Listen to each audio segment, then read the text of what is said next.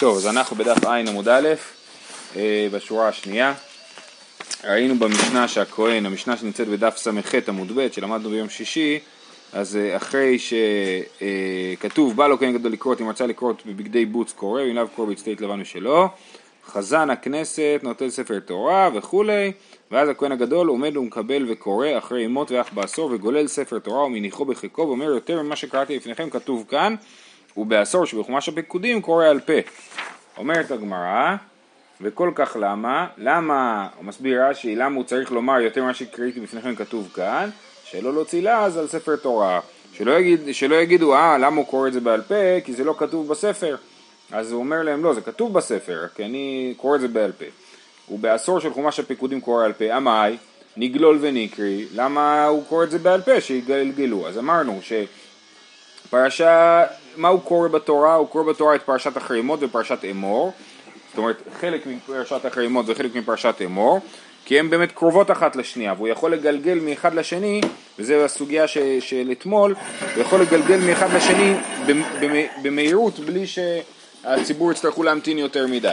אבל את פרשת פנחס, זה בספר במדבר, ספר אחר, ייקח לו הרבה זמן.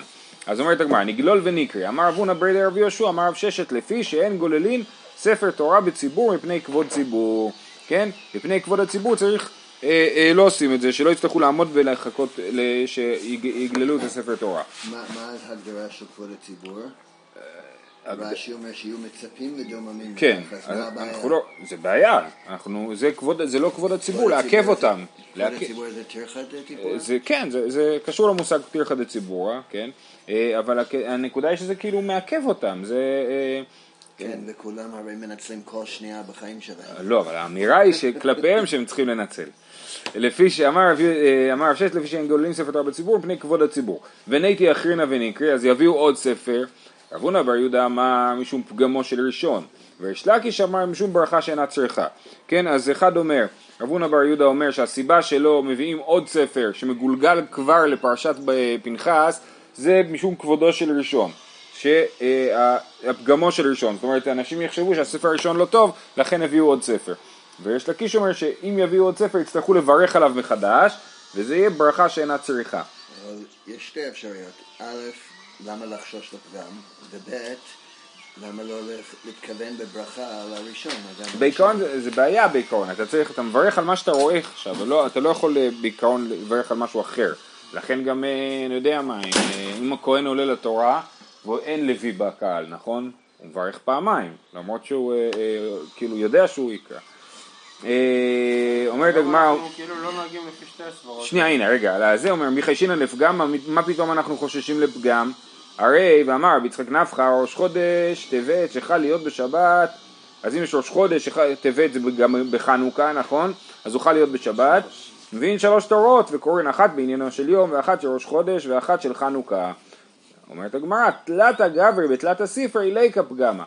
חד גברא בתרי ספר איכא פגמה. זאת אומרת, אנחנו באמת לא חוששים לפגם של ספר תורה כאשר מחליפים גם את העולה לתורה. אבל כשזה מדובר על אותו עולה ומחליפים לו את הספר, אז זה נראה כפגם בספר תורה. ולמה אין את הבעיה של כבוד הציבור?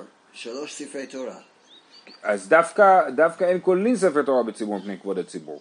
אין בעיה של כבוד הציבור. אתה רואה, הרי הגמרא אמר, לפי שאין גולים ספר תורה בציבור מפני כבוד הציבור. ועל זה מיד היא שואלת, וניתי אחרינה וניקרי. סימן שהיא לא חושבת שיש בעיה של כבוד הציבור בדבר הזה. דווקא להעביר את זה ממקום למקום, זה הבעיה של כבוד הציבור. אז באמת יכול להיות שמבחינת טרחה דציבור, אין לציבור יותר טרחה בין אם יעשו עכשיו הגבהה וגלילה וכולי, לבין אם יגלגלו את הספר תורה. לכן אני חושב שזה, המושג של טרחה דציבור, הוא צריך להבין אותו בצורה יותר מדויקת, זה דווקא הדבר הזה שהם צריכים לשבת ולחכות למשהו, שאין שום התרחשות, זה, זאת הבעיה. הרי כל התפילה היא טרחה דציבור אחד גדול, כן? אלא מאי?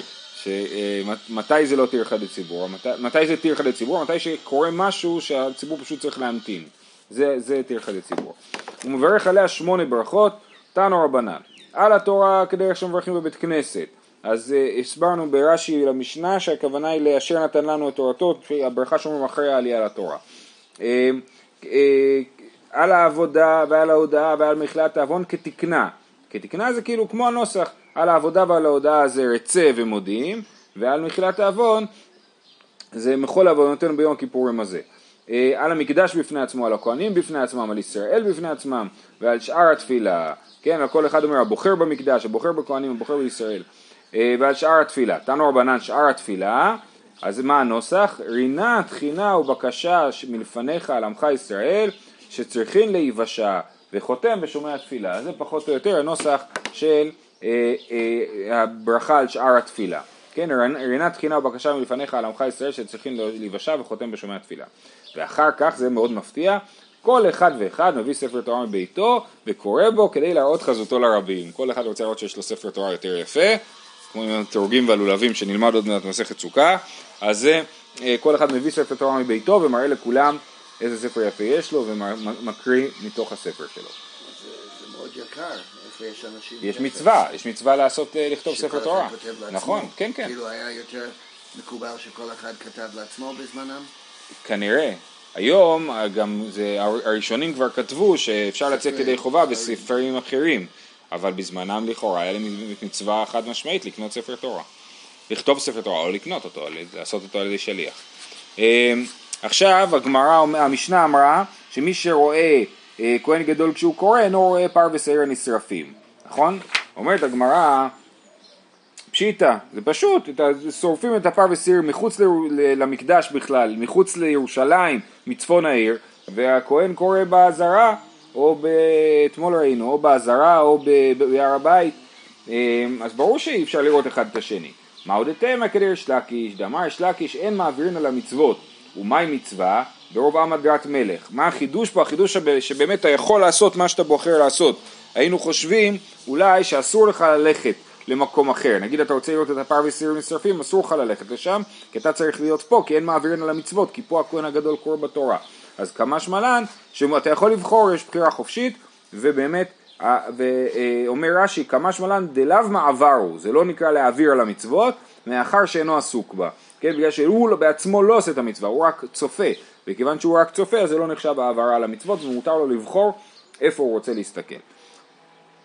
טוב, עכשיו, אה, אה, אומרת, לפני המשנה אה, נגיד ככה, יש לנו בעיקרון, כמו שאמרנו, את סדר העבודה ביום הכיפורים שנמצא בפרשת אחרי מות, בו אנחנו מתעסקים כבר מתחילת המסכת.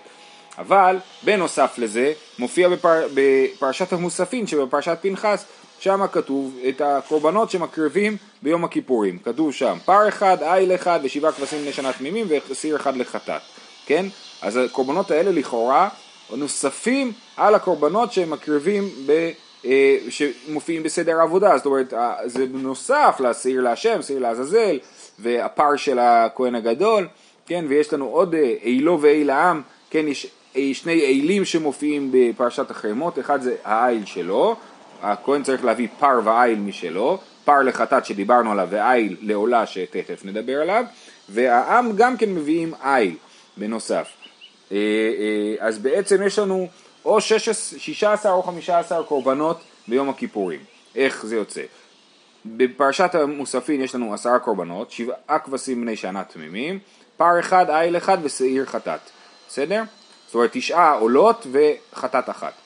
וזה עשר.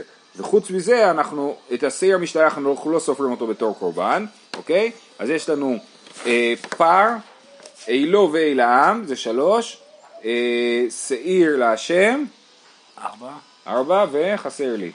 אה, הפר של הכהנים. לא, את הפר, אמרתי, פר, פר ושעיר, אילו ואיל העם, זה ארבע. אז מה חסר לי?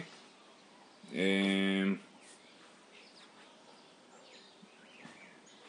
לא יודע. נעלם לי אחד. אוקיי, אז עכשיו נקרא את המשנה. אה, אומרת המשנה, אם בבגדי בוץ קורא קידש ידיו ורגליו. מה זה אם בבגדי בוץ קורא? למדנו במשנה ביום שישי שהוא יכול לבחור או לקרוא בבגדי בוץ או לקרוא בבגדים שלו, נכון? אז אם הוא כבר החליף בגדים לפני הקריאה בתורה והחליף לבגד הפרטי שלו, אז הוא קידש ידיו ורגליו כשהוא החליף אז, נכון? כשהוא החליף את הבגד, תמיד הרי לפני שאתה פושט את הבגדי בוץ אתה מקדש ידיים ורגליים. אז אם בבגדי בוץ קורה עכשיו הוא מחליף את הבגדי בוץ אז הוא מקדש ידיו ורגליו. ואם הוא קורא בבגדי לבן, בבגדים פרטיים, אז הוא קידש ידיו ורגליו מקודם. אם בבגדי בוץ קורא קידש ידיו ורגליו, פשט ירד וטבל, עליו הנסתפג, הביאו לו בגדי זהב, ולבש, וקידש ידיו ורגליו. או, oh, בשעה טובה עברנו לבגדי זהב. מהבוקר היה לנו את הבגדי זהב בהתחלה, בגדי לבן שבהם הוא עשה את כל מה שלמדנו, את הקטורת והשעיר והגרלה של השעירים והפר וה, וכולי, זה, כל זה היה אה, בבגדי לבן, ועכשיו הביאו לו בגדי זהב, ולבש וקידש ידיו ורגליו, ויצא ועשה את אילו ואת האל העם, ואת שבעת הכבשים תמימים בני שנה. מאיפה באו פתאום שבעה כבשים? מפרשת פנחס. דיבר רבי אליעזר. רבי עקיבא אומר, אם תמיד של שחר היו קרבים, בכלל את הכבשים האלה היית עושה בבוקר, אם תמיד של שחר. ופר העולה ושעיר הנעשה בחוץ, היו קרבים עם תעיד של בין הארבעים, לא ברור פה איך לפסק את המשפט הזה, כן? אני יכול לקרוא את זה ככה, אם תמיד של שחר היו קרבים ופר העולה, כן? ושעיר הנעשה בחוץ. עכשיו הגר"א, הגאון מבין מוחק את המילה היו קרבים, כן? כי זה מגלה לנו יותר מדי, אחרי זה נראה שהגמרא לא יודעת, אז לכן צריכים למחוק את היו קרבין. אז אנחנו אומרים ככה, פר העולה ושעיר נעשה בחוץ, עם תמיד של בין הארבעים. אז פר העולה, יכול להיות שהוא הולך עם, ש... עם, עם הכבשים של תמיד של שחר, או שהוא הולך עם שעיר הנעשה בחוץ בתמיד של בין הארבעים. בכל אופן אז זה לא ברור, הגמרא עוד תדבר על זה. קידש ידיו, אז זהו, אז הוא סיים. מה הוא עשה? שחט את אלו ואת אל העם בטוח, ומה עוד? זה מחלוקת אה, אה, רבי אליעזר ורבי עקיבא. אה, אה, עכשיו יש פה עוד שאלה, כתוב, הוא עשה, כתוב שאת הפער העולה וסעיר נעשה בחוץ עם קרבים, עם תמיד של שחר, עם תמיד של בין הארבעים, אבל לא כתוב מתי עושים תמיד של בין הארבעים, האם הוא עשה אותו עכשיו או עוד לא. בכל אופן, קידש ידיו ורגליו, זה הפעם ה... זאת הטבילה ה... אה, הוא טבל פעם אחת בבוקר לפני שהוא התחיל, נכון? אחרי זה הוא לבש בגדי זהב, טבל פעם שנייה, עבר לבגדי לבן, טבילה שלישית עבר לבגדי זהב, עכשיו זאת טבילה רביעית, קידש ידיו ורגליו, פשט וירד טבל ועליו להסתפק, הביאו לו בגדי לבן ולבש וקידש ידיו ורגליו, נכנס להוציא את הכף והמחתה, כל הבלגן הזה, להחליף בגדים רק בשביל להוציא כף ומחתה. אה, קידש ידיו ורגליו, פעם חמישית, כאילו, ירד וטבל עליו ונסתפק, הביאו לו בגדי זהב ולבש וקידש ידיו ורגליו, ונכנס להקטיר קטורת של בין הארבעים, ולהטיב את הנרות, וזהו. קידש ידיו ורגליו, פשט, הביאו לו בגדי עצמו, הבגדים הפרטיים שלו, ומלווין אותו עד ביתו, ויום טוב היה עושה לו אוהביו בשעה שיצא בשלום מן הקודש. אמת מה נהדר. רוב היום הוא היה במקלחת. כן. שהוא לבש את הבגדים שלו, זה לפני שהוא יצא מהאזהרה? איפה בדיוק זה קורה? כי אמרנו שהאם הבגדים אפשר... נכון. בזמן העבודה, כאילו אין לו עבודה. אז הוא יוצא, נכון. לא, אז הוא יוצא, הוא לובש את הבגדים שלו ואז הוא יוצא. כי אין לו עבודה. כן, כן, נכון. אבל מותר להיות בבגדי... אה, כל עוד הוא לא עובד עבודה, אז כן. או, או, ברוך הבא. אה, בקיצור, אז, אה, אז, אני רק, אז אני רק אומר ככה, יש פה מחלוקת ראשונים בשאלה מתי הוא, מתי הוא עושה את התמיד של בין הארבעים. האם הוא עושה תמיד של בין הארבעים בפעם, באמצע, לפני שהוא מוציא כף ומחתה עם בגדי זהב, כשהוא, עם בגדי זהב לפני שהוא מוציא כף ומחתה, או שהוא עושה את התלמיד של בין הארבעים אחר כך ביחד עם הקטורת והנרות. כי לא כתוב פה במשנה מתי עושה תלמיד של בין הארבעים, בסדר? וזה משמעותי כי זה לא רק שאלה של תלמיד בין, בין הארבעים, יש פה עוד קורבנות שקרבים ביחד עם התלמיד של בין הארבעים. אז לכן אה, זאת שאלה אה, משמעותית. בטוח התלמיד שבין הארבעים הוא מהנרות והקטורת. לא, לא, כי יכול להיות שהוא לפני הכף ומחתה. אם הוא לפני כף ומחתה, לא. אחרת הייתה עוד טבילה. לא, לא, לא, הקטורת והנרות כתוב פה, שהם בטבילה החמישית, אחרי הטבילה החמישית. תמיד שבין הארבעים, או שהוא אחרי הטבילה השלישית, או שהוא אחרי הטבילה החמישית. זאת אומרת, או שהוא ביחד עם אילו ואל העם, ובסוף אתה מביא, מקריב את כל הקורבנות המוסף וכולי, ובסוף אתה שם, אה, מקריב תמיד שבין הארבעים, כי זה תמיד הרי הקורבן האחרון, או שאתה לא, אחרי שאתה מסיים, אחרי, אתה מסיים, עושה חלק מהקורבנות, מקריב, מכני, מוציא כף ומחתה, מלובש שוב בגדי זהב, ואז מקריב את כל הקורבנות שנשארו, ותמיד של בין הארבעים.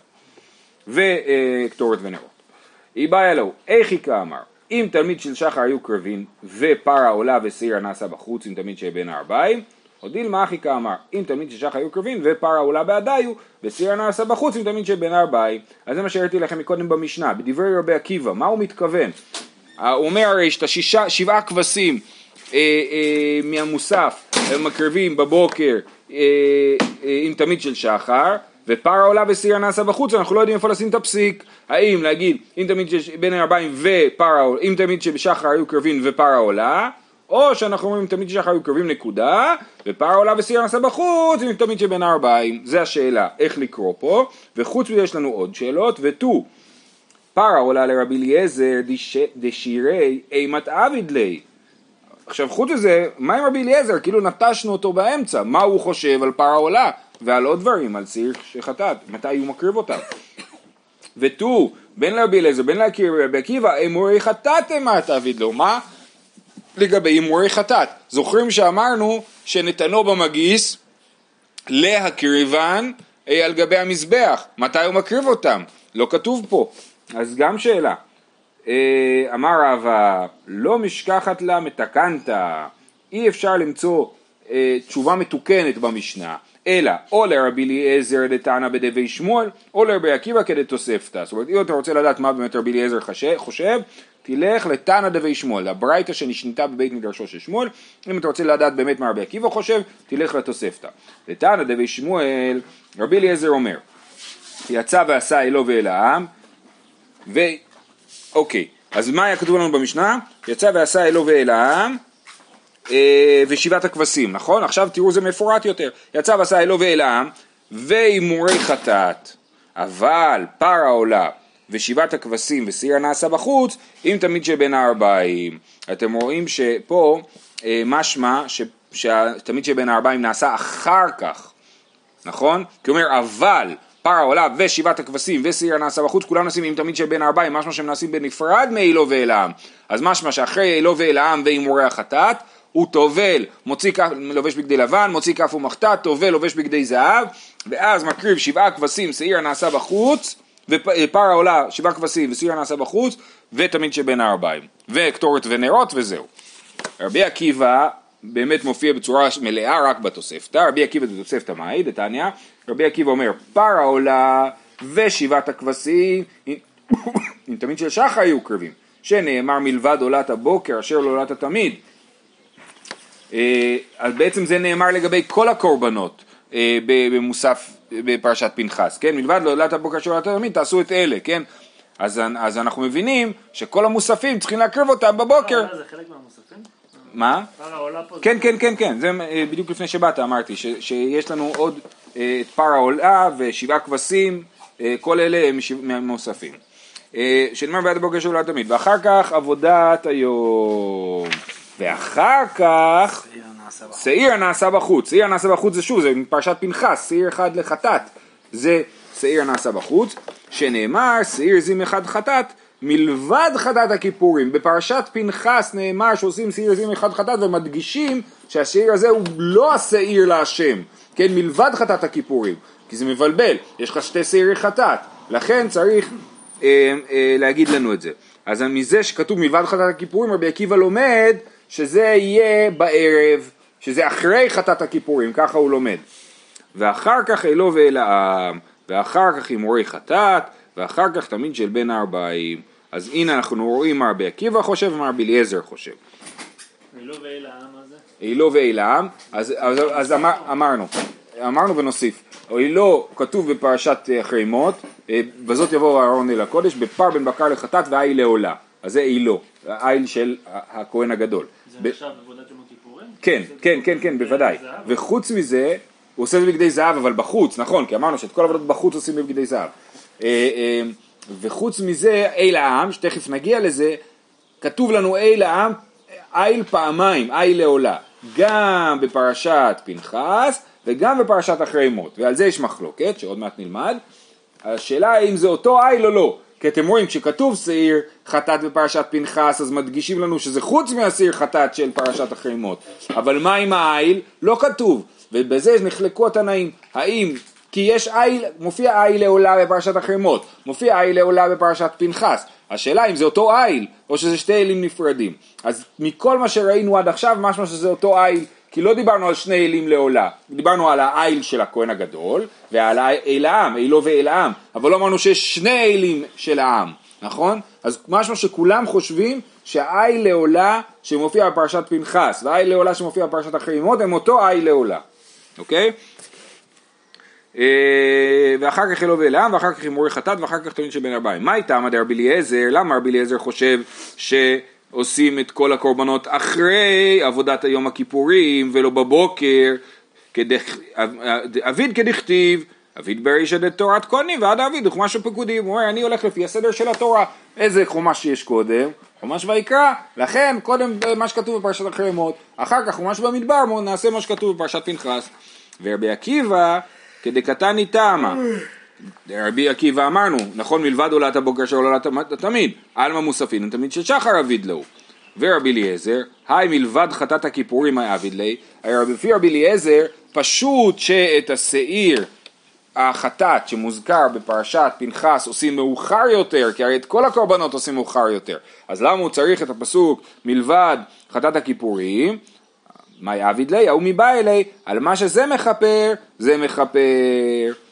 מה זה אומר? אז שתדעו לכם שאנחנו בעצם לומדים את מסכת יומא, חסר לנו חלק מאוד משמעותי מכל הדיון של מסכת ששייך ליום הכיפורים, שמופיע בפרק ראשון של מסכת שבועות. בסדר? אז כשנגיע לשם, נשלים את החומר, ששם מדברים על מה כל שעיר מכפר, על מה כל קורבן מכפר, פה נגענו בזה מבחוץ, שם זה באמת הדיון האמיתי לדבר הזה.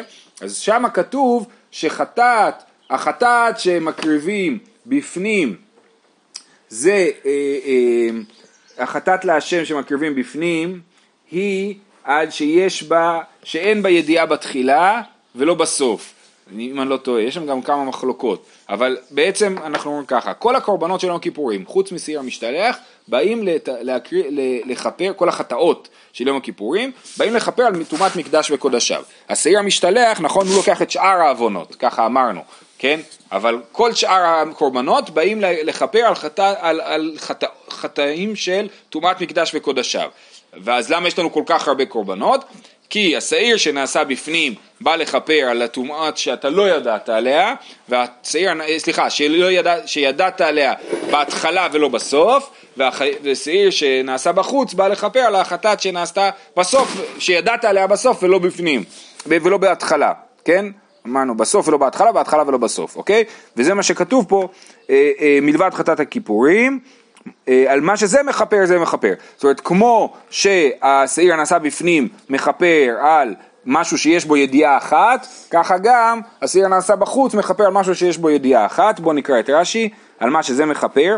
במתניתין דפרק כמה דשבועות דריש להכי, ועל שיש בה ידיעה בסוף ואין בה ידיעה בתחילה, שעיר הנעשה בחוץ מכפר, שנאמר הוא שעיר חטאת אחד מלבד חטאת הכיפורים. על מה שזה מכפר זה מכפר. מה פנימי מכפר אינו מכפר אלא על דבר שיש בו ידיעה כדי לפרש הטעם, אף חיצון אינו מכפר אלא על דבר שיש בו ידיעה, רק ידיעה אחרת, הידיעה של הפנימי זה ידיעה אחת והידיעה של החיצון זה ידיעה אחרת. טוב, עכשיו יש לנו עוד שתי שיטות. שיטה ראשונה הייתה רבי עקיבא שמקריבים את כל שבעת הכבשים בבוקר. שיטה שנייה רבי אליעזר את כל שבעת הכבשים בערב. רבי אליעזר ורבי שמעון אומר משמו, שישה, משמו של רבי עקיבא כנראה, אה, אה, שישה קרבין עם תמיד של שחר ואחד עם תמיד של בן הארבעים. הוא אומר בוא נפצל את השבעה כבשים לשניים, שישה בבוקר ואחד בערב. מה איתם? מה יודע רבנן? שנייה רגע, היה לי עוד אחד, לא? סליחה, אני דילגתי. רבי יהודה אומר משמו אחד קרב עם תמיד של שחר ושישה עם תמיד של בן ארבעים. רבי אליעזר ברבי שמעון אומר משמו שישה קרבים עם תמיד של שחר ואחד עם תמיד של בן ארבעים. זאת אומרת שני מסכימים שמפצלים את זה לשש ואחד, רק השאלה היא האם השש בבוקר או שש בערב. מה איתה? מה יודע רבנן? תראה עיקר כתיבה. מלבד עולת, כתיב מלבד עולת הבוקר, וכתיב יצא עשה את עולתו ואת עולת העם. ילקח עביד מנאי הוא אחא ומנאי הוא אחא, אז לומדים שצריך לעשות את העולה בבוקר, מצד שני את העולה צריך לעשות בסוף, אחרי שהוא יוצא מקודש הקודשים, אז מה הפשט? מנאי הוא אחא מנאי הוא אחא, חלק בבוקר וחלק בערב. במאיקה מפלגי רבי יהודה סבר עביד חד כדכתיב מלבד עולת הבוקר, ועד עביד עבודת היום. זאת אומרת, ברור לכולם שצריך לעשות חלק בבוקר, חלק בערב, רק השאלה היא איך לחלק אותם, וזה כבר סברות אנושיות. אז רבי יהודה אומר, תעשה אחד בבוקר כי צריך, נכון? ועד ערבית עבודת היום, דילמחות שחל איש כהן גדול. אם הוא יצטרך לשחוט ולהקריב שישה כבשים בבוקר לפני עבודת הכהן הגדול, הוא יהיה מסכן. אז קודם תשחוט אחד בבוקר, אחר כך תעשה את כל עבודת הכהן הגדול, ובערב, כבר בסוף תעשה את כל הכב- שאר הכבשים שנשארו.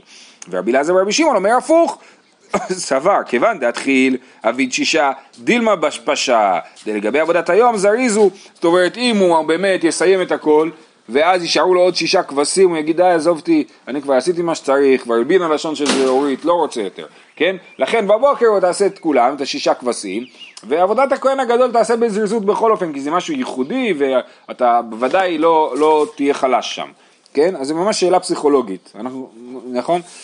אז אם זה דברים שהם לא של היום, של יום כיפורים, הם כן של יום כיפורים, הם של מוסף של יום הכיפורים, לא חלק מעבודת הכהן הגדול ביום הכיפורים, זאת אומרת, הכל, הכל הכהן הגדול עושה, כן? אבל הם לא החלק, ה, אתה יודע מה, הדרמטי של הכניסה פנימה והגרלות ו- וכולי. המאני טיים. המאני טיים, כן. טוב, דכולי עלמא מיד חד איילו, כמו שהסברנו מקודם, שכולם מסכימים שיש רק איל אחד לעולה. אה, יש, יש שני אילים לעולה בוודאי, אילו ואל העם, כן, אבל מהעם כולם מסכימים שיש רק איל אחד. כמן כרבי דתניא. רבי אומר, איל אחד האמור כאן, בפרשת אחרי מות, הוא האמור בחומש הפקודים. זה אותו איל, פשוט דיברו עליו פעמיים. רבי אלעזר ברבי שמעון אומר, שני אלים הם, אחד האמור כאן ואחד האמור בחומש הפקודים. מה הייתה עמד רבי דכתיב אחד, כן? כתוב, והאיל אחד לעולה בפרשת פנחס, פר אחד, איל אחד ושבעה כבשים. ורבי אלעזר ברבי שמעון, מהי אחד? לא, אל תלמד מזה, זה מיוחד שבעדרו. זה בא להגיד שצריך להיות איל יפה ולבחור את האיל הכי, הכי טוב. ורבי נפקא, ורבי נפקא להם ממבחר נדריך, כתוב מבחר נדריכם, מבחר נדריכם צריך תמיד לבחור את המבחר בשביל הקורבנות. רבי אלעזר ברבי שמעון, חד בחובה וחד בנדבה הוא צריך, אה, יש, צריך, מבחר נדריכם מדבר על קורבנות נדבה, שאדם שמתנדב להביא למקדש צריך להביא את הכי יפה, ובקורבנות חובה צריך דרשה נפרדת, לכן כתוב אחד. כי כתוב אחד בפרשת החרמות וכתוב אחד בפרשת פנחס. להפך, החידוש זה להגיד שזה אותו אחד. שני האלים שמדברים עליהם הוא אותו אחד. כן? אה, אז הם, ככה הם, אה, הם, בזה הם נחלקו. זהו, שיהיה לכולם יום טוב.